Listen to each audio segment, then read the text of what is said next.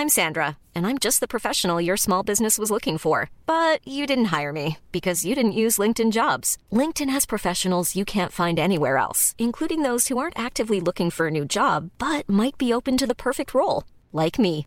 In a given month, over 70% of LinkedIn users don't visit other leading job sites. So if you're not looking on LinkedIn, you'll miss out on great candidates like Sandra. Start hiring professionals like a professional. Post your free job on linkedin.com/people today.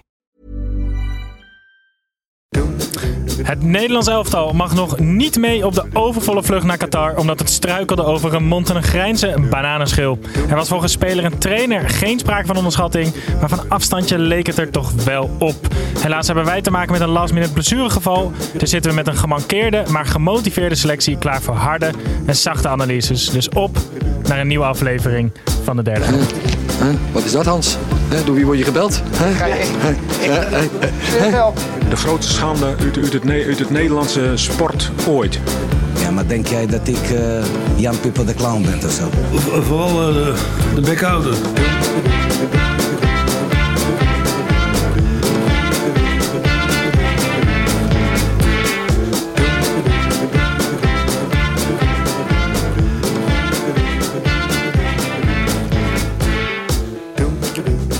Hallo kijkers op YouTube en luisteraars van de podcast. Ik ben Snijboon en Gijs zit volgens mij in Rome. Dus mag ik weer een keertje plaatsnemen achter de presenteermicrofoon, zoals ik die noem. Eh, normaal zijn interlandweekenden nooit onze favoriete weekenden. Maar sinds Louis van Gaal weer bondscoach is, is alles anders. Voordat wij het uitgebreid over Montenegro en Nederland gaan hebben. Even vooruitblikken naar Nederland-Noorwegen. En natuurlijk genoeg dingen van buiten de lijnen behandelen. Eerst maar even het slechte nieuws. Eh, Bram Krikke die zou hier aan tafel zitten als, eh, als, als gast, als, als grote meneer. Eh, maar ja, die doet alsof hij ziek is. Dus die is er niet.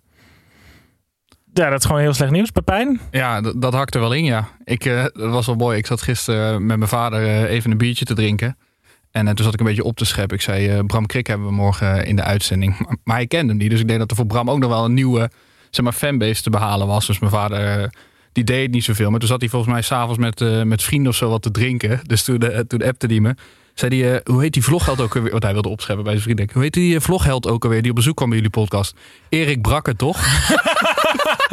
Wie is Erik Brak? Heb je die gegoogeld of niet? Dat is denk ik een nieuwe pseudoniem van... eh, Is dat een anagram als je zo die letters husselt? Maar het is wel echt doodziek dat Erik Brakke vanavond niet aan kon, niet aan kon schuiven. Rest Nee, in peace Erik Brakke. Denk je dat Bram gedurende de week, als die coronacijfers opliepen, dat hij dacht, yes, het is nu steeds geloofwaardig als Ja. ik zondagavond zeg. Ja, nou ja, ik hoef jullie aan de meeste mensen niet voorstellen, maar ik doe het toch eventjes. Pepijn, jij bent de enige grote meneer, ons, ons, ons voetbalgeweten. Eh, Tim, ja, jij bent eigenlijk niemands geweten en dat is maar goed ook, denk ik. Geen gast, gelijk spelletje, geen eredivisie. Een klein beetje onderschatting ook bij jou? Nou, jij vergeet nog een paar dingen, Snijboon. Nou gaat er een weerpunt over. Als er een eh, zondag is waarin voor mij onderschatting om te loer liggen, is het deze. Ik was woensdag bij Radio 1. Ook al zijn, Oh de, ja. ook al zijn de luistercijfers ongeveer gelijk, ehm, voel ik me toch misschien iets minder gemotiveerd hier. Interlandweekend is natuurlijk Waarom was je bij Radio 1? Niet iedereen weet dat, hè? Nou, ik heb een, een boek geschreven over voetbal. Maar Ja. dat, was, dat, is, dat weet serieus niemand meer. Dat, Mhm. Want dat is al vijf jaar geleden. En ik werd gebeld omdat ehm, iemand uit mijn boek was jarig en die werd 76. Ik vond dat zo raar. het was zo inderdaad. raar. En ik kwam... Alle items waren op. Nee, bij maar- Radio 1. Nee, ze zeiden ook, hij zit aan het eind van het jubileumjaar. Nee, serieus, ik kwam die studio in en er was Duitse muziek opgezet. En dan ehm, heb je nog even een momentje voordat het zeg maar live gaat. En, en toen vroeg die uh, Jaike Belfort, die eh, eh, co-host was, aan die Roelof de Vries van... "Wa- waarom doen we dat eigenlijk? Hij is 76. En Roelof zo, ja, weet ik eigenlijk ook niet. dus dan eigenlijk waren ze een jaar te laat. Maar in ieder geval, eh, ik was bij Radio 1, ehm Interlandweekend. Eh, Bram is er niet. Dus meestal mijn gast sta ook op scherp. Nu ook weer niet.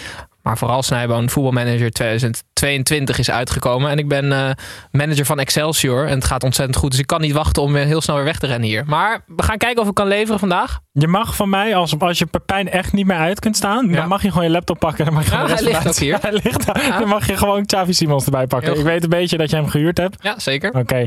Ehm, we gaan het straks hebben over Nederland-Noorwegen, over buitenspel. Heeft een weetje mee. Maar eerst gaan wij eventjes naar het gestrekte been, waarin ik jullie, zoals Gijs dat altijd zegt, op scherp zet. Ja, je schikt ervan. Ja, jeetje. En ook deze week hebben we weer een kiezelharde voetbalstelling mee. En dat is... Frenkie de Jong is geen topspeler. Ik wil eerst van jullie weten of jullie het mee eens of oneens zijn. Eens. Goh. Nee, ja. Oké, nou ik zeg alvast, ik ben het ermee oneens. En, en Gijs die geeft nooit zijn mening, want het is Gijs. Eh, maar als jullie het hier allebei mee eens zijn, dan, dan ga ik vandaag ook meedoen. Oké, laat, mij, laat mij in twee zinnen uitleggen waarom ik gelijk heb. Ehm Frenkie de Jong was bij Ajax, ehm, is hij gegroeid van een, van een eh, eigenlijk een onbekende speler. In één keer werd hij een topspeler. En dat kwam door die Champions League wedstrijden eh, tegen Real Madrid, tegen Juventus. Dat hij echt hij was een openbaring voor, voor de wereld. Ehm, in één keer kwam hij op het, op het- Dit zijn trouwens geen twee zinnen. Maar Nee, eh, maar iedereen weet dat als jij zegt, ik doe die twee zinnen, dat je gewoon rustig achterover voor de nieuwe zitten. luisteraars leg ik het even uit, sorry. Ehm, sinds Frenkie de Jong wordt gezien als een, eh, echt wordt gezien als een topspeler, voetbalt hij niet als een topspeler meer. En ik denk dat als je dat predicaat topspeler niet aan kan, want in mijn hoofd is het eigenlijk vanaf het moment dat hij naar Barcelona is gegaan, is hij niet meer zo goed als, als dat hij bij Ajax was, toen hij nog redelijk onbekend was. Als je dat predicaat niet aan kan, dan ben je geen topspeler. Want het is wel een onderdeel van het spel dat je, ehm, dat, je dat, dat je dat aan kan. Ja, deels mee eens. Maar dat kan ook nog wel een soort van. Het is nu, duurt nu wel lang, maar een vormcrisis zijn. Maar ik denk namelijk wel de- deels dat Frenkie de Jong. in een goed draaiend team. is hij een van de betere spelers, misschien wel ter wereld. op zijn positie. Dat, Mhm. vind ik, dat vind ik oprecht. Maar ik vind dat je een topspeler bent. als je in een slecht draaiend team goed kan voetballen. Ik vind een Ronaldo, die kan altijd voor zijn club. Kan die het, het omdraaien, tij keren. Alle grote jongens bij Barcelona in die tijd. eh, in, het, in het Super Barça, zeg maar, Xavi, Iniesta, die konden altijd nog even zeg maar, dat tandje bijzetten en dat, dat team op sleeptouw nemen. En dat is wat ik ontzettend mis bij Frenkie de Jong. En je zou hopen dat hij het in het Nederlands elftal, waar hij toch, denk ik, als grote man heel veel vrijheid krijgt, hoop je dat hij een, in een, een slecht draaiend team eh, op, op sleeptouw kan nemen. En Maar dat, vinden jullie, want dan, dan ga ik hier even inbreken. Vinden, vind jij dat je alleen een topspeler bent als je de kwaliteiten hebt om dat zelf om te draaien? Want Nou ja. dan hou je echt maar een paar spelers over in de wereld. Nou, maar ik vind op zijn positie, dan moet jij wel de basis zijn van het goede voetbal. Dan moet jij zeg maar ervoor kunnen zorgen dat het team gaat draaien. Hij wordt als de grote, de grote regisseur altijd gezien. En, en dat, dat mis je gewoon op het moment dat het slecht draait met het team. En een- het Barça, waar je afgelopen anderhalf jaar in hebt moeten voetballen, is natuurlijk een soort van dramatisch Barça. Ja. Maar daar zou hij dan bovenuit moeten steken. Dus ik vind Frenkie de Jong misschien wel de allermooiste voetballer die ik ooit live eh, heb kunnen aanschouwen. En het allermooiste spel vind ik dat hij dat in zich heeft maar niet in slechte wedstrijden. En daarom denk ik niet dat hij een, een, een echte wereldtop is. Ik vind dat je één heel essentieel ding vergeet te melden. En dat is, ik vind dat, dat je een topspeler bent als je onderscheiden bent in grote wedstrijden. Dat vind ik eigenlijk nog veel belangrijker. En ehm, hij is een beetje zoals Simon Gustafsson. Hè? Ja, maar Tim, hou nou toch op. Laat mij eens even mijn zin afmaken. Hij is alleen goed tegen de kleine clubs. Oké, maar, Nee, hier- ik- maar ik ga nu. Jullie hebben nu je zeg je echt kunnen doen, hè? Nee, nee, nee, want jij, nee, jullie hebben je zeg je kunnen doen. Jij bent presentator, jij hebt geen mening. We gaan Jawel, door. want ik erg me er ook net aan. Ik heb de knop hier, hè? Oké, oké. Ehm Frenkie de Jong Ja. speelt bij een team wat nu gewoon niet in vorm is. Mhm. Zit zelf in een mindere periode. Dat onderkent hij zelf ook. Ik denk dat iedereen dat ziet. Maar nu zeggen dat Frenkie de Jong zich niet onderscheidt in grote wedstrijden, dan vergeet je echt wel heel veel wedstrijden bij Ajax en ook bij Barça in het begin. Ah, dat was ik niet, hè? dat was ik niet. Maar vooral, Frenkie de Jong is niet een, een jongen die de assist geeft vaak of het doelpunt maakt. Maar ik, ik las per ongeluk, nee niet per ik las dat expres. In een interview met hem dat ze ook destijds bij Ajax hadden uitgezocht. Wie dan de meeste passes had gegeven die daadwerkelijk voor gevaar zorgden. Dus dan heb je het over die pre-assist. Dus degene die het spel openbreekt, die echt de opening vindt. En daar kwam hij dus elke keer bovendrijven. Nu, op dit moment, in de situatie waar nu in zit bij Barcelona en bij het Nederlands elftal zeggen dat Frenkie de Jong geen topspeler is, vind ik wel heel opportunistisch eh, kijken op de En zaak. dat is precies wat het gestrekte been is. Ja, en ook wel wat jij, ja, jij houdt er ook wel van. Ja, maar ik vind het wel makkelijk wat je zegt, Snij. Want nu ga jij eh, hem in één keer verdedigen aan de hand van statistieken die nergens ooit staan. Niemand boeit een pre-assist. Ja, maar dit boeit iedereen die daadwerkelijk in het voetbal zit wel heel Ja, maar veel. ons Want dus dit zijn hele belangrijke spelers. Maar ik ben het wel met jou eens. Frenkie de Jong is een speler die in een goed team moet voetballen. Dit is niet een wel- jongen die je in de derde klasse reserve kan zetten. En die dan, nou oké, daar nog net wel. Maar tweede klasse reserve, dat hij alles kapot speelt. En dat was wel- de, de cijfers die jij noemde, was ook wel in het goed lopende Ajax. Ja. Dus Dus eigenlijk, Frenkie de Jong moet weg bij Barcelona. terug naar Ajax. Prima. Nou, dus dat de conclusie. Zijn we het toch weer eens. Hartstikke fijn. Gaan wij door naar eh, eigenlijk de enige wedstrijd die we gaan bespreken deze uitzending. Dat is dan ook de Toto-wedstrijd van de week. Wedstrijd van de week, van de week, wedstrijd van de week. Eh, ja, en zoals altijd ehm, voorspellen wij in combinatie of in samenwerking met Toto en eh, ook samen met al onze volgers op Instagram en op Twitter deze wedstrijden. Pepijn, Montenegro Nederland 0-4, eerste goal Klaassen. Tim, eh 0-6, eerste goal Frenkie de Jong. Ik had 1-4 Van Dijk en Gijs had 0-2 Depay. Ga, ja, een soort van half punt, maar eigenlijk niemand punten. En ook onder onze volgers niemand een punt. Dus niemand de 25. Dus niemand de 25 euro speelgoed die je kunt winnen als je het goed hebt. Eh, de spanning was er redelijk af na het gelijkspel van Noorwegen tegen Letland. De spanning was er volledig af na de 1-0 of na de 0-1 en 0-2 van Memphis Depay. Het Nederlands elftal was voor het eerst in 2014 weer geplaatst voor een WK en de tickets konden worden geboekt.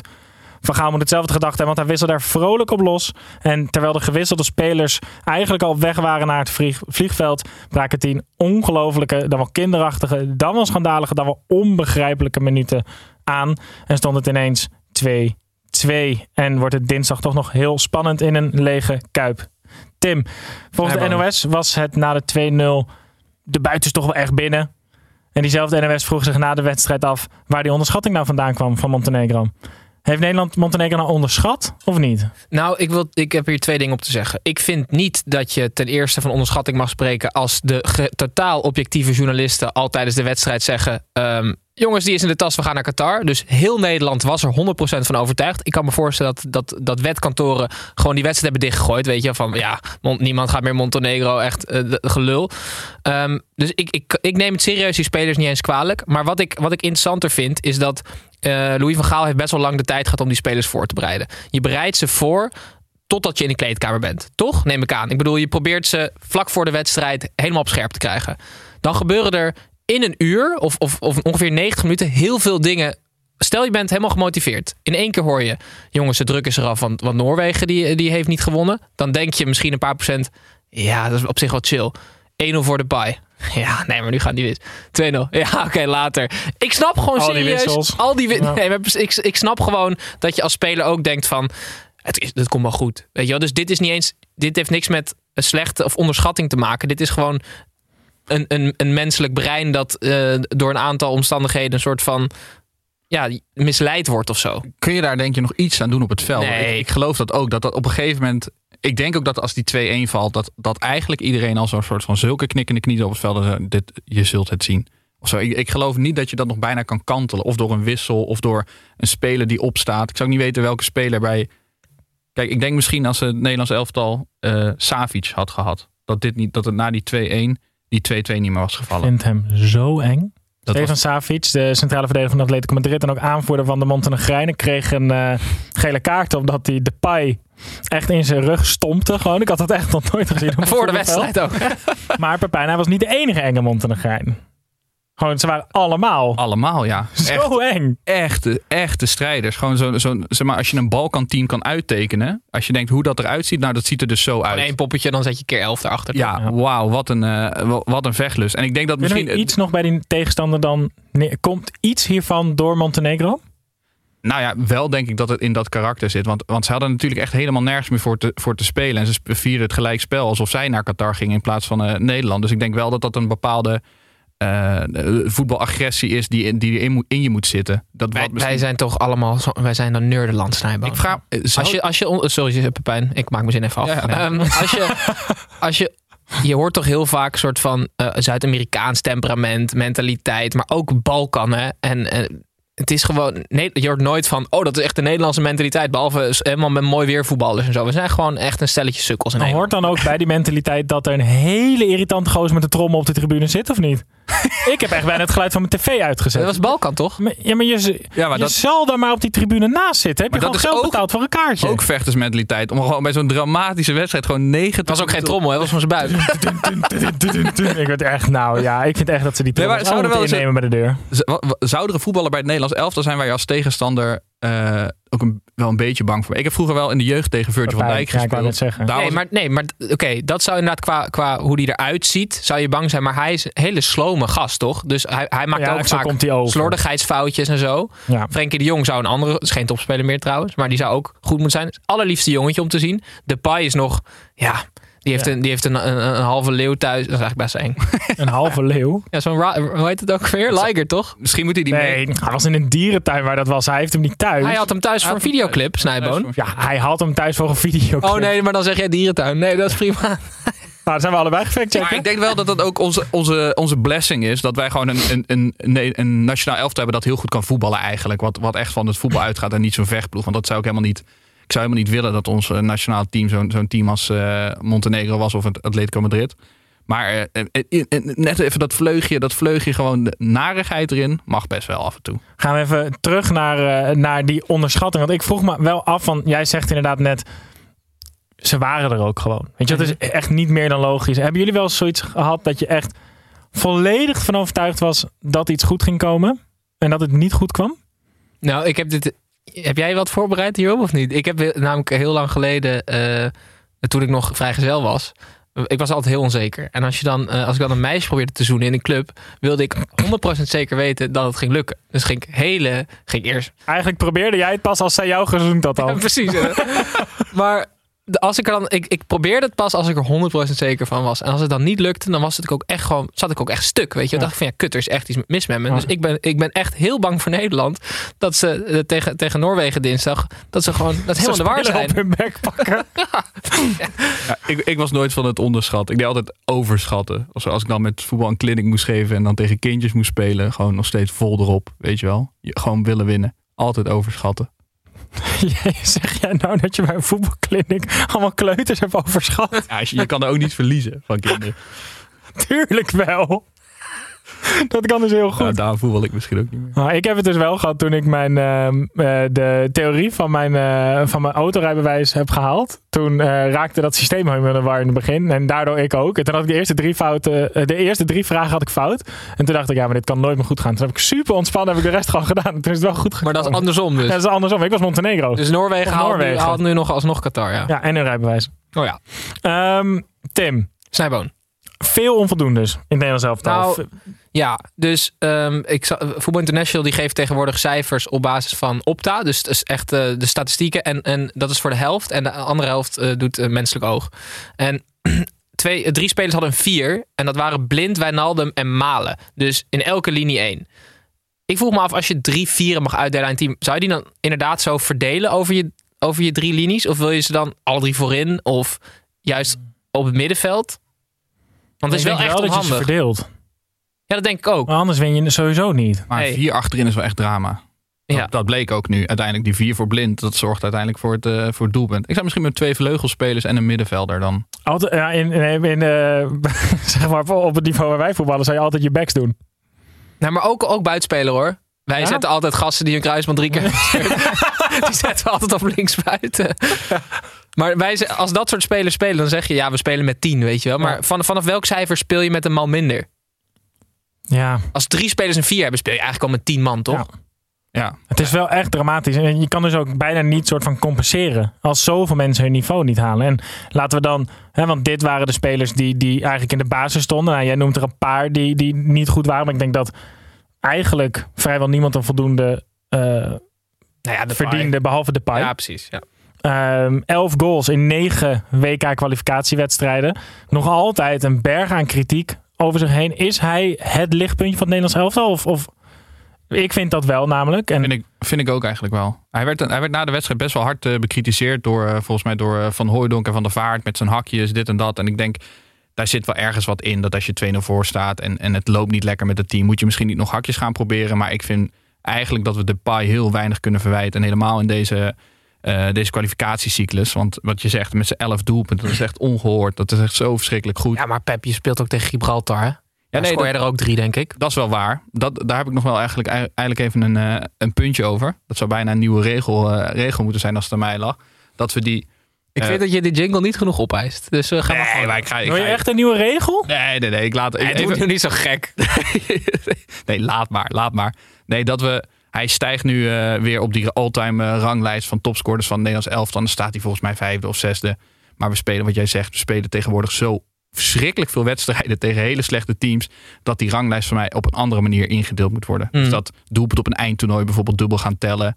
Of dat pas vanaf 15 doelpunten dat je gewoon gaat rekenen hoeveel doelpunten maak je per wedstrijd. Nou, je kan toch gewoon, als je tegen laag geclasseerde, dan, dan wordt hij gewoon gedeeld door twee. Dat Ja, doet want ook ik met die gouden opgezocht. balverkiezing. Eh, het zijn vier doelpunten van Depay tegen Gibraltar in twee wedstrijden. Ja, nu wel. Maar over zeg maar, de andere EK-kwalificatiewedstrijden speel je natuurlijk altijd wel echt tegen mindere goden. En vroeger gebeurde dat gewoon. Werden er gewoon minder interland gespeeld. Dus dan was de relatief meer wedstrijden waarschijnlijk Hey, maar eh, eindtoernooi. Hij staat nu op gelijke hoogte met Robben en Bergkamp, begreep ik. Weet, dat, qua doelpunten, toch? Dat geloof ik. Ja. Maar hoe, hoe verhoudt hij zich tot die twee spelers in jullie hoofd? Nou, hij heeft nog wel even te gaan, hè? En als je Nee, dat kijkt, weet ik. Dus hij gaat er 100%. Ja, en dat ruim nou ja, voorbij. Als ik kijk naar hoe belangrijk de doelpunten zijn die hij maakt, wat, en wat voor leider hij is geweest van dat nieuwe Nederland onder Koeman, die hele reeks in de Nations League toen. Hij heeft wel een heel slecht Nederland. Hij is wel een soort van de frontman geworden van de wederopstanding van dat elftal. Een topspeler, zou ik bijna willen zeggen. Die slecht Ja. Nederland op sleeptouw neemt. ja, nou dat, dat maar hij heeft eh, daar ook de specifieke kwaliteiten voor. Dat moet ik hem wel echt eh, meegeven. Ontzettend belangrijk. Maar ja, je kan, je kan hem niet vergelijken. u- überhaupt als ze niet samen hebben gespeeld met een Bergkamp. Maar je kan hem... ook- Oh, Tim wil het zeggen. Nee, ga maar door. Nee, Nou of hij heeft dat ik- zijn schouder, dat kan ook. Tim ik dus vind opeens dat- heel hard zijn vinger in het lucht. Dat dus die statistieken heel erg vertekenend zijn. Maar misschien voor positie in het team bijna net zo belangrijk als die andere twee spelers. Want hij is gewoon de belangrijkste man eh, in dit Nederland. Tim, had jij nog wat? Ja, ik heb nog wel iets, Snijboon. De allerzenuwachtigste man voor dinsdag is Virgil van Dijk. Hè? Die heeft namelijk nog nooit een eindtoernooi meegemaakt. Dus als hij dan nu misgaat, dus je hebt 2-0 voorgestaan in Montenegro en je gaat er alsnog straks af tegen Noorwegen en Turkije wint. Maar we komen er straks op. Ik Maar- net zeggen, we hebben voor, voor de uitzending 10 minuten tegen elkaar gezegd. Hou je aan de chronologie. Eerst Montenegro, dan Noorwegen. We waren er bijna. Eh, we hebben het nu gehad over alle spelers die in de basis stonden. Er kwam ook veel kritiek op Louis van Gaal. Want de wisselspelers waren misschien nog wel slechter dan de spelers die in de basis begonnen. We hebben het over Gravenberg. Ehm, even kijken. Even, Gravenberg kwam erin. De Licht kwam erin. Noah Lang. Noah Lang kwam erin. Koopmijners. Koopmijners. Volgens mij waren dat Nee, mis er nog eentje. Ik zoek hem er even bij, de laatste. eh, Bergwijn. En Bergwijn. Ja. Stuk voor stuk. Ik vond Bergwijn het nog wel eh, Ja, ja, aardig, aardig invullen. Dat moet trouwens wel gezegd worden, nog even om terug te komen op Frenkie de Jong. Dan sluiten we dat hoofd. Volgens mij ging hij eraf toch voor de... eh, Ja. met, hij ging er met 2-0 af. Dus dat zegt misschien wel wat over hoe hij het team wegzet. Wat, waar ik dan te leek voor ben om dat, eh, om dat te zien. Dus dat hij misschien toch nog wel belangrijker is eh, voor het elftal dan, eh, dan misschien op het eerste oog doet vermoeden. Maar ja, die wissels, ja... Wat Tim- Gaal had altijd een gouden pik, toch? Zeiden ze. ja, Wat nu dan? ja, die heeft hij misschien voor dinsdag eh, thuis, thuis gelaten. Maar hij zei het zelf ook, hè? Van de wissels deden ook niet wat we van ze verwachten. Dus dat is mijn fout. Dat, nou, ja, nou ja, hij trekt een beetje van de schuld naar zich toe. Maar Mhm. Komen die er dan in alsof het al de uitzwaaiwedstrijd is? Ik vind, ik, ze waren echt Zo, koopmijners. Je hoort echt goede dingen over hem. Ook nu bij Atalanta speelt tegen United een goede wedstrijd gespeeld in de Champions League. Verschrikkelijk. Ja, maar deze wedstrijd was zo ongelooflijk slecht en van, van laag niveau dat invallen onmogelijk is. Ik denk alleen als buitenspeler kun je nog invallen omdat het daar altijd niet zo heel veel uitmaakt hoe het met de rest van het team loopt. Maar voor de rest denk ik dat het op zo'n middenveld zag je hoe dat ging. Het leek echt helemaal nergens op. Het was zo traag. Hoe moet je dan in gaan vallen? Wat, wat, wat kan je doen? In één keer heel hard op en neer gaan lopen. Is invallen echt zo moeilijk?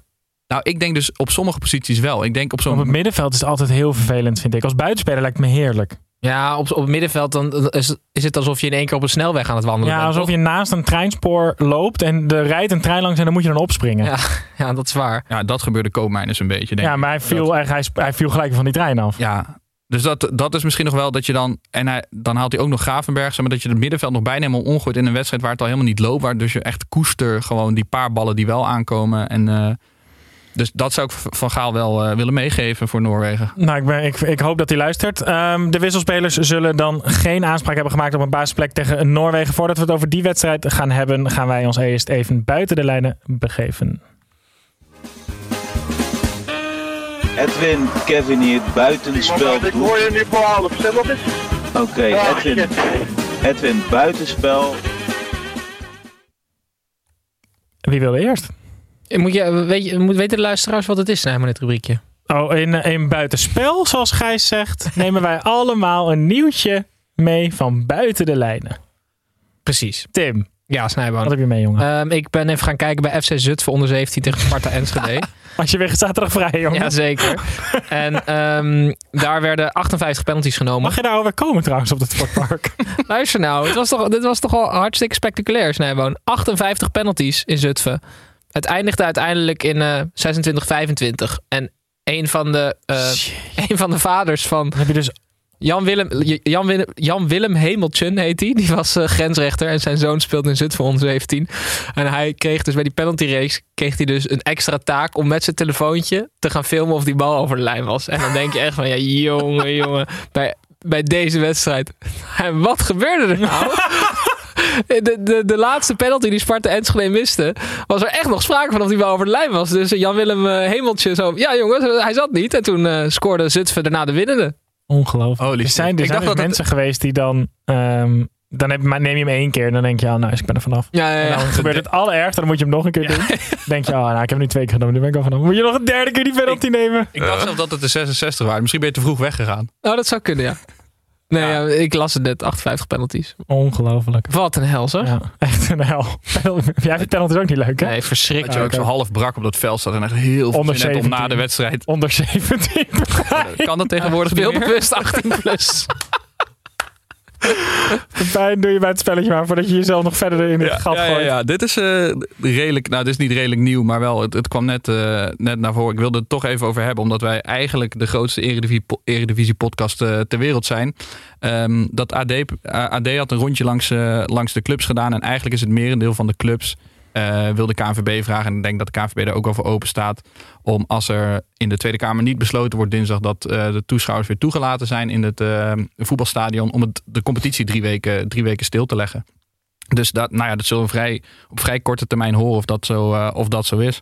Maar ik vind het heel moeilijk. Ik weet niet precies. Ja, ik ben het daar denk ik wel gewoon mee eens. Het enige, het enige argument wat ik volgens mij las, wat daar een beetje tegen indruiste, was van Erik ten Hag. Die zei van ja, dan wordt het schema nog drukker voor ons. En met de clubs die Europees voetbal spelen, weet je wel, dan raak je nog verder. Krijg je nog drukker, een drukker wedstrijdschema. Ja, maar eh, ik vind het sowieso heel raar. Want na drie weken ga, ga je er dan vanuit dat het in één keer allemaal weg is. Dat het allemaal goed is. Dat is dus, dat is dus een argument wat, jij, wat, de rest niet, eh, wat de rest niet aandroeg. Maar daar ga, ik ook, daar ga ik ook niet vanuit. Maar misschien kunnen ze dan wel weer op een bepaalde capaciteit of met een plan komen. Waardoor. Ja, ik wel- zou gewoon lekker doorspelen, toch? Ja. Ja, en wat Klein ook- beetje advocaat van de duivel, maar met hoe de Nederlandse fans zich afgelo- afgelopen week hebben gedragen, zou ik lekker zonder Ze publiek hebben gewoon geluisterd naar ons vorige Ja. gesprek, nee, toch? Ja. Alle stadions gewoon leeg. Ja, en, eh, en het is voor die kleine, volgens mij speelt RKC, spelen die de, het Nou ja, volgende ik las dat het, thuis, eh, dat- die spelen dan in die periode tegen Ajax, zeg maar thuis. Dat commercieel de meest interessante wedstrijd van het jaar ongeveer is. Hm. Twente Feyenoord zonder publiek kost Twente ongeveer een miljoen. Echt waar? Een miljoen. Ja, maar ze geven altijd die fans allemaal heel veel geld. Ja, ja, nee, ze- nee, dit was ook de, dit was ook de collectewedstrijd. Dan gaan ze met zo'n pet door het hele stadion. Zo'n ziek grote pet. Nee, maar goed, eh, wacht het af. Anders hebben we drie weken, drie weken vakantie, jongens. Boek maar wat. Had jij trouwens... ik bedoel En jij René. En samen zijn we altijd met z'n tweeën. Want Pepijn, jij zat net naar die verschrikkelijke rondrijdende autootjes te kijken. Ja, eh, ja. Ja, het was, eh, het was nogal een klein drama voor Max Verstappen ontsponsor. Want Hamilton begon in een soort van onmogelijke positie. Maar die was niet, eh, die was niet te stoppen. Reed heel het, eh, heel het veld voorbij. En dus ook Max Verstappen. Kan dit eigenlijk op, op 10 seconden eh, voorsprong won hij uiteindelijk van Max Verstappen. Maar dat kwam omdat eh Shaughnessy, Ja? de linker centrale verdediger van Finland, die zat in die Red Bull wagen. Ja, je, je zegt Shaughnessy, maar het was Daniel O'Shaughnessy. De Iers Finse verdediger. Ja, oké. Ja. nou, O'Shaughnessy, de Ja. Iers-Finse Maar- verdediger. Wel goed nieuws, Max Verstappen wel gescoord dit Max. Verstappen had gescoord. Voor. Ja, maakte de 3-1. ja, lekker man. Voor Finland. Dus hij, van alle markten thuis, die jongen. En hij is ingestuurd, hè, dit mannetje. Zeker Oh, ja. door eh, Leon Maarten en Jelmer DJ. Bedankt. Ik denk dat hij DJ is. Vanaf nu op de social kanalen. Heel goed, Pijn. Gaan wij door naar de voorbeschouwing op Nederland-Noorwegen. Dinsdag is het dus, zoals Louis zelf zou zeggen, der toot oder die gladiolen. In een angstvallig lege kuip zal de New Wave zich nog eenmaal op moeten laden om zich te plaatsen voor het WK-voetbal in Qatar. Ik neem jullie even heel snel mee door de scenario's. Nederland staat op 20 punten, gevolgd door Noorwegen en Turkije allebei op 18. Als Nederland wint, plaatsen ze zich voor het WK. Als Nederland gelijk speelt tegen Noorwegen en Turkije wint met minder dan 13 doelpunten verschil uit bij Montenegro, plaatst Nederland zich ook voor het WK. Als nummer 1. Als Nederland verliest van Noorwegen, maar Turkije wint niet. Hebben jullie hem nog? Ja, ja. Oké, dan Play-offs. plaatsen we ons voor de play-offs. Ja, want dan is Noorwegen eerste. Ja. ja. Het doemscenario der doemscenario's. Als Noorwegen van Nederland wint en Turkije wint van Montenegro, Niks. gaan wij niet naar het WK voetbal in Qatar. Er staat best veel druk op. Mhm. Eh, Louis van Gaal had het over uh, of dat hij nog niet zeker wist of hij een harde of zachte analyse zou doen ehm, in de aanloop naar de wedstrijd tegen Noorwegen aankomende dinsdag. Pep, wat zou jij doen als bondscoach? Zeg maar, je hebt nu gewoon nog. Eigenlijk heb je morgen één dag. Wat ga je morgen doen zodat ze veel beter voorbereid zijn dan dat ze daarvoor waren? Ik zou als ik Louis van Gaal was, dus gewoon helemaal niks anders doen. Gewoon exact hetzelfde. Tot nu toe zijn we allemaal... Dit is het allersaaiste antwoord dat je had maar, kunnen geven. maar kom, vraag. ik heb wel voor iemand anders een tip om, eh, om wat te doen. Wat ik namelijk net las, is dat bij eh, de president van Servië... Servië speelt namelijk echt een ontzettend belangrijke wedstrijd tegen Portugal... eh, dit, deze komende wedstrijd, wanneer is het dinsdag of woensdag... En die jongens zaten al in het vliegtuig onderweg naar Portugal. En toen is de president, Vukic, de president van Servië, die is het vliegveld ingekomen. Om de jongens even succes te wensen. En daarbij had hij een koffertje van een, een miljoen eh, euro eh, bij zich. En die zei, als jullie deze wedstrijd winnen, dan eh, mogen jullie een miljoentje verdelen. Oh. Dus ik wil eigenlijk Mark Rutte oproepen om, eh, om even zich in de Kuip te melden dinsdag met een koffertje, met een koffertje geld. Maar voor de rest, Louis van Gaal, gewoon niks. We zijn toch allemaal super blij met Van Gaal. Zeg maar, we zijn toch helemaal... Nou, ehm, nee. ik vroeg me serieus af of die zijn magie niet een beetje kwijt is. Ah, Tim, één tegenvaller. Ja, maar, nee, maar Snij, hij vindt het zo leuk, hè? Om Ja. dit allemaal te doen. Nou, jij ziet een beetje het René Haken effect Ik bij zie hem. een beetje het, het René Haak effect. Of elke andere Eredivisie-trainer. Het, eh, eh, Dat is eigenlijk, hij vindt het te leuk om daar te zijn en daarom is hij niet meer kritisch genoeg. Nou ja, ik, dat interview met, met ehm, na de wedstrijd ook. Het- hij had gewoon vijf keer verkeerd gewisseld. Zijn spelers die spraken allemaal van verschillende tactieken. En toen werd er een, een vraag gesteld van... heb je dan... ehm, eh, heb, je dat, heb je ze wel goed genoeg geïnformeerd en goed genoeg voorbereid? En toen zei hij, nou, het is mijn schuld. Een soort van grapje weer van maken. Niet echt de scherpe van Gaal die we kennen, weet je. Die gewoon die journalisten helemaal in elkaar trapt. Dat, dat heb je gewoon nodig. Ik, ik, ik vond het een beetje een, ehm, een, een slap, slappe vertoning van hem eigenlijk. Ja, hij was geschrokken. Ik ben, deel die mening wel dat ik hem na de wedstrijd niet heel sterk vond. Maar hij kon denk ik ook niet zoveel. En hij was zich denk ik aan het beraden ook over die harde en zachte analyse. Dus eh, zeg maar, de, de conclusie was... of ik word helemaal lijp morgen tegen die spelers. En ze zijn, ze zijn de komende vijf dagen bang. En daarom winnen ze wel van Noorwegen. Of ik doe ze gewoon met de zachte hand. Vader van Gaal, die gaat even met die jongens spreken. Dit kan gebeuren. En dinsdag gaat het gewoon goed. Ik denk dat hij dat... weet, je wat, weet je wat hier het vet aan is? Al die gasten hebben dat dus ook gezien, s'avonds. Waarschijnlijk krijg je dat wel mee. Ja. En die hebben dus geen idee. Dus die komen s ochtends die ontbijtzaal in. En het kan dus zijn dat hij daar eigenlijk zo staat. Hé, hey, ah, zo vervelend van gisteren. Ga lekker zitten, joh. Wil je een broodje, nog een eitje voor je bakken? Je- Of ze komen binnen en het is gewoon... Memphis! Ja, maar, Zitten! juist, maar, ja, Koffie! maar die eerste, dat eerste scenario zou ik nog erger vinden. Want dan ben je de hele tijd aan het wachten of het nog gaat komen. Ooit, Peter van Vos is ooit mijn trainer geweest bij eh, RBC. En ik denk niet dat iemand een beter een harde analyse kon dan eh, Peter van Vossen. Maar die deed dat dus ook. Dan kwam je binnen, knikte die vriendelijk, schouderklopje. Weet je wel, iedereen ging zitten, hè jongens. Eh, jammer, eh, jammer gisteren. En dan in één keer... Ja, maar En dan dat was is je eng als hij door elkaar heen gaat doen. Ja. Weet je wel?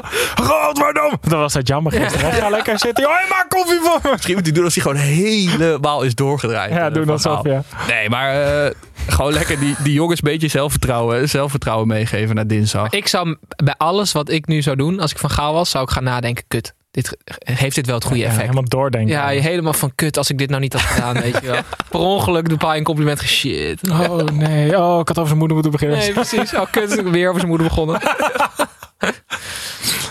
Ah. Ja, Einde vrij. Dat wordt waarschijnlijk Matthijs de Licht. Ja, dat vind ik nog niet zo'n probleem. Maar geen Haaland bij de Noren. We zijn wel echt, ondanks dat we gewoon over de Montenegrijnse bananenschil zijn uitgegleden. We zijn echt favoriet wel? Groeien er bananen in Montenegro, Snijman? Nee, maar je kan ze er wel kopen. Maar zijn het dan Montenegrijnse bananen? Nou, ik denk dat als je gewoon importbelasting hebt betaald, is het gewoon een Montenegrijnse banaan, Je toch? mag ik een stickertje op plakken. ik zou niet weten Ja. waarom jij opeens begint met het eh, discrimi- bediscrimineren van, eh, van bananen in Montenegro. Maar gasten, er is toch eigenlijk, eh, buiten deze discussie waar ik een beetje tussenin hang, er is toch... Er is Jij weet nog niet waar het het eens Dit is een gestrekte been. Wat wil hij zeggen? Nee, er is toch helemaal niks aan de hand? Dit was toch ook gewoon... de Gozer, er is alles aan de hand. Noorwegen was al zes keer in hun hoofd uitgeschakeld. En die zien nu in één keer, Ja, we hoeven nog maar ja, één nee, wedstrijd ja, te winnen. ja. Maar ik probeer even voor Van Gaal een lijn te verzinnen wat er, waarom er niks aan de hand is. Voor eh, afgelopen zaterdag, eh, gisteren voor ons, was er precies dit het scenario wat we verwachten. We winnen allebei, Noorwegen wint, Nederland wint. Het komt aan, Gozer, het komt dat aan is- op dinsdag. Ja, jij, Nee, gaat vind allemaal het- in die... nee, nee, nee, nee, nee. Er gebeurt zoveel in je hoofd in die tussentijd. Hoe jij het inderdaad schetst, als we inderdaad allemaal zo had gelopen zoals we hadden verwacht. Maar dat is niet zo, Pepijn. Nee, maar dus moeten ze het wel weer zo benaderen. Ja, Dat is nee, dus- dat is toch, toch veel te makkelijk. Want eh, Noorwegen is nu toch super positief. En die denken van holy shit, we hebben in één keer nog een kans. En Nederland denkt holy fuck, we zijn er nog niet eens. En we moeten nu in, een- in een eh, koude lege kuip gaan spelen. Er is eigenlijk geen hoop meer. Ik zal het even, voor, jullie samen, ik zal het even voor jullie samenvatten. We hebben het nog allemaal in eigen hand. En daarmee gaan wij naar het weetje van Tim.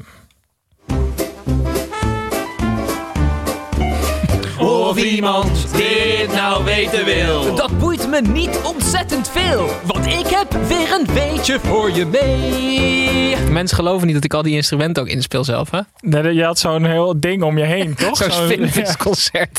Dat hij alles rugzak met zo'n trommel erop en zo'n fluit in. En dan buiksprekend die tekst, hè? Ja, echt heel knap. Ehm Royce Drenthe, jongens, daar wil ik het even over hebben. Die eh, heeft heel veel geld verdiend bij Real Madrid. En die is ook heel veel geld kwijtgeraakt aan eh, gekke, stomme investeringen. Ehm, ik wilde even inzoomen op één investering. Misschien kennen jullie het. Maar hij heeft dus een half miljoen eh, geïnvesteerd in, ehm, in bekers voor knakworsten. Hebben jullie dit? Hebben jullie dit wel eens gehoord? Hij heeft een half miljoen geïnvesteerd in Cook Easy. Dat zijn... dat zijn bekers waar je heel snel knakworst in kan opwarmen. Ik vind het zo chill dat je dacht dat wij dit wisten. Oh nee. En eh, dat was dus eh, volkomen geflopt. En er staat nu... heeft- Daarom Het kom je toch- zo ook nooit het was- tegen. Nee, het was toch close hoor. Nee, maar er staat nu in Spanje serieus een loods vol met van die knakworstbekers. Ja, we lachen erom. Maar is dat dan... Is het magnetronwerk of in de pan? Of, Nee, of ja, volgens, mij, volgens mij zaten er van die eh, warmte-elementen in. En dan doe je er een beetje water bij in die knakworsten. En je kan ze gewoon heerlijk, heerlijk eten. Heb je aandelen? hoor? Nee, dat niet. Maar bestel Oh. nu. Ja. Nee, maar ja, Cook Easy eh, knakworsten. Dus eh, ja, dat, daar is hij een half miljoen aan kwijtgeraakt. ja, dat snap ik wel. Oh, je zou maar bij me aangekomen zijn met dat plan. Ja, en dat hij dan aan het eind zei, ja, ik doe het. Is het een beetje die eh, varkensboerderij van Johan Cruijff? Ja, een beetje die categorie. Ja. Zeker. Oei, oei, oei. Nou, eh, nou, volgende week een Ga je nieuwe investering. en grijze bananen doen dan, toch? Eh, doen we volgende week een nieuwe investering? Ja. Van Royce en Drenthe? Ja. Mooi zo. Dan eh, gaan wij deze eh, uitzending afsluiten met een rondje Vento. Hallo fans, wie gaat er zinnen? Wie is Tom? En het zal jullie niet verbazen, maar de meeste vragen die binnenkwamen waren voor Bram. Ah ja. en die is er niet. Eh, we hadden wel een vraag aan jou, Tim. Mhm. Ehm, Ik moet dit eh, wel echt van tevoren eigenlijk horen. Voordat ik normaal antwoord. Maar Ik prima. weet nog niet eens wat de vraag is. Oké, nou. Lars van Belen wil graag weten of jij aanraadt dat hij zijn volledige spaarrekening in gaat zetten op basis van Tim en Snijboom voorspellen video's. Oeh. Ja, dat zou ik wel doen. Want, ehm, Dus Nee, ja, onder andere Barcelona wint over twee jaar de Champions League. zeker. Nee, maar Snijboom Voetbalman... Wij maken natuurlijk elke woensdag op YouTube maken wij voetbalfilmpjes. Mhm. Ehm, en dat doen wij. Wij geven eigenlijk antwoorden op, op vragen die je niet kan beantwoorden. Want wij kunnen heel ver in de toekomst kijken daarmee. Omdat we dat simuleren. Maar Voetbalmanager is het allermeest secure spel ooit. Dus alles wat je daar ziet is gewoon waar. Dus ik snap ook niet... Zijn er websites waar je op de waarheid kan inzetten? Nee, toch? Nee, kan het bij Astro TV of zo misschien? Ja, dat denk ik wel. Dat is wel een soort geld inzet op de waarheid, toch? Je belt en dan krijg je de waarheid. Nou ja, niet de waarheid, ze liegen, maar in theorie is het de Jullie, en waarheid. jullie niet. Dus Nee, Nee, groot precies. verschil. Dat is wel echt een verschil. Dus Lars van Belen alles inzetten. Dat zou ik wel doen. Gelijk. Ja. Oké, sta jij garant? Dit is geen financieel advies, moet je er altijd bij zeggen. Nee, het is geen financieel advies. Nee. Ik zou ook niet... Ja, ik wil best garant staan. Nee, doe maar niet. ik zal het ook niet doen. Nee. Abort, abort. Eh Pepijn, voor jou kwamen helemaal geen eh, vragen binnen, maar ik ben wel benieuwd hoe What's dit is met de kat van de buren. What's new? Oh ja, ja, bent, ja, eh, de, jij kat, bent, de eh, kat van de buren. Die was, Vorige week in een, in een- na een dronken avond ben jij op de bank slapend beland of in bed met eh, de kat van de buren. in een soort delirium lag die kat van de buren in één keer bij mij op mijn buik. Ja, en jij stuurde begin deze week weer een foto van de kat van de buren. En nu vroeg ik me af, hebben jullie een kat? Hebben jullie een kattenluikje? Wat doet die kat het bij jullie? Nou, we doen wel eens de, de deur van de slaapkamer open om hem even gewoon lekker, lekker door te luchten. En dan, kan, dan sneakt hij dan naar binnen en dan is hij gewoon binnen en dan gaat hij ook niet meer... Balkondeur is dat dan? Nee, ja, Of- binnen, binnentuin hebben wij daar. Oh, jullie wonen op begane grond. Maar je Ja. weet dat katten eh, f- eh, heel erg afgaan op mensen met negatieve energieën die verdriet hebben. Serieus, het is een hele lieve beest. Die willen dat dus. Wat is zijn er een soort omgedraaide dementors. Ja, er zit, ik heb echt altijd zo'n hele troep katten om me heen heb ik zitten. Maar ik weet niet wat dat precies Allemaal leeuwen ook. Zo. Die liger van Members the Fight, die loopt altijd in zijn tuin. Eh, Dat is een dierentuin. Maar wat dat Oh, zegt, ja. Dat zou ik niet precies weten. Nee, maar de kat gaat, eh, gaat goed. Het is een BN'er aan het worden. Hij was pas ook al op 538. Want toen had hij bij de... Hij zo, hey, ik ben uh, laatst bij eh. Nee, maar vertel eens. Nou, Jelte van der Goot, die woont aan de andere kant van Wie die is kat. dat dan? Eh, dat is een sidekick van eh, Radio 538. Die En de broer van Wietse van der Groot. Die waarschijnlijk meer mensen die deze podcast luisteren kennen. Oh ja. Ja, en die woont aan de andere kant van die kat. En die kwam pas eh, op zijn werk aan. En toen hoorde die miauw achter. En toen lag die kat bij hem op de achterbank. Dus het is een beetje de... de- Hij heeft, soms heeft hij de achterklep open om door te luchten. Wat eng. Ja, dus het is een... eh, Hij heeft zo'n binnentuin, hij heeft zo'n binnentuin aan de achterkant van zijn auto. Maar heeft die kat toen de hele uitzending bij 538 gezeten? ja, dat was nu de nieuwe sidekick. Nee, maar dat... Oh, slecht. Nee, ja, eh, ik ga dit niet eens meer corrigeren, Simon. Nee. Hij moet gewoon soms wennen aan het hoge niveau. Ja. Eh, jongens, voordat jullie echt ruzie krijgen, we stoppen ermee voor vandaag. Het zit er weer op. De Van Gaal Express toeft nog steeds richting Qatar. We hebben nog kans. En volgende week is Gijs gelukkig of, of helaas weer terug. Ligt eraan wat je van Gijs vindt. En is ook de Eredivisie weer terug met een 8 uur wedstrijd. Dus dan zitten wij hier weer lekker laat. Voor nu wil ik jullie bedanken voor het aanschuiven. En wil ik de kijkers en luisteraars bedanken voor eh, het bij ons zijn. Kan jij, want wat ik aan Gijs altijd zo slecht vind, hij vergeet altijd te zeggen dat ze moeten abonneren op YouTube. Nou, dat is dus gewoon gratis ook. Hè? Dat, Ja. Je kunt gewoon op dat knopje drukken op YouTube, kan je abonneren. Kan je trouwens ook op Spotify kan, ons- kan je ons volgen. Volgen, zeker. Dan komt hij gewoon automatisch in je feed. En je kan ook op dat belletje drukken op YouTube. Dan krijg je gewoon notificaties als we live gaan. Dat is best wel handig allemaal. Het is heel leuk. Kost allemaal 0 euro. Ook bij elkaar. Dus dat kan gewoon. Zeker. Nou, mooi. Eh, dan zien we jullie volgende week weer bij een nieuwe uitzending van De Derde.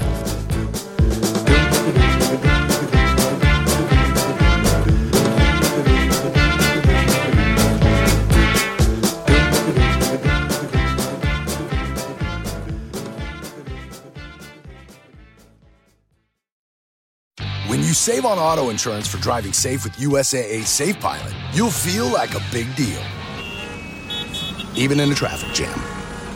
Save up to 30% with USAA Safe Pilot. Restrictions apply. Mom deserves the best, and there's no better place to shop for Mother's Day than Whole Foods Market. They're your destination for unbeatable savings, from premium gifts to show-stopping flowers and irresistible desserts. Start by saving 33% with Prime on all body care and candles. Then get a 15-stem bunch of tulips for just $9.99 each with Prime. Round out Mom's menu with festive rosé, irresistible berry chantilly cake, and more special treats. Come celebrate Mother's Day at Whole Foods Market.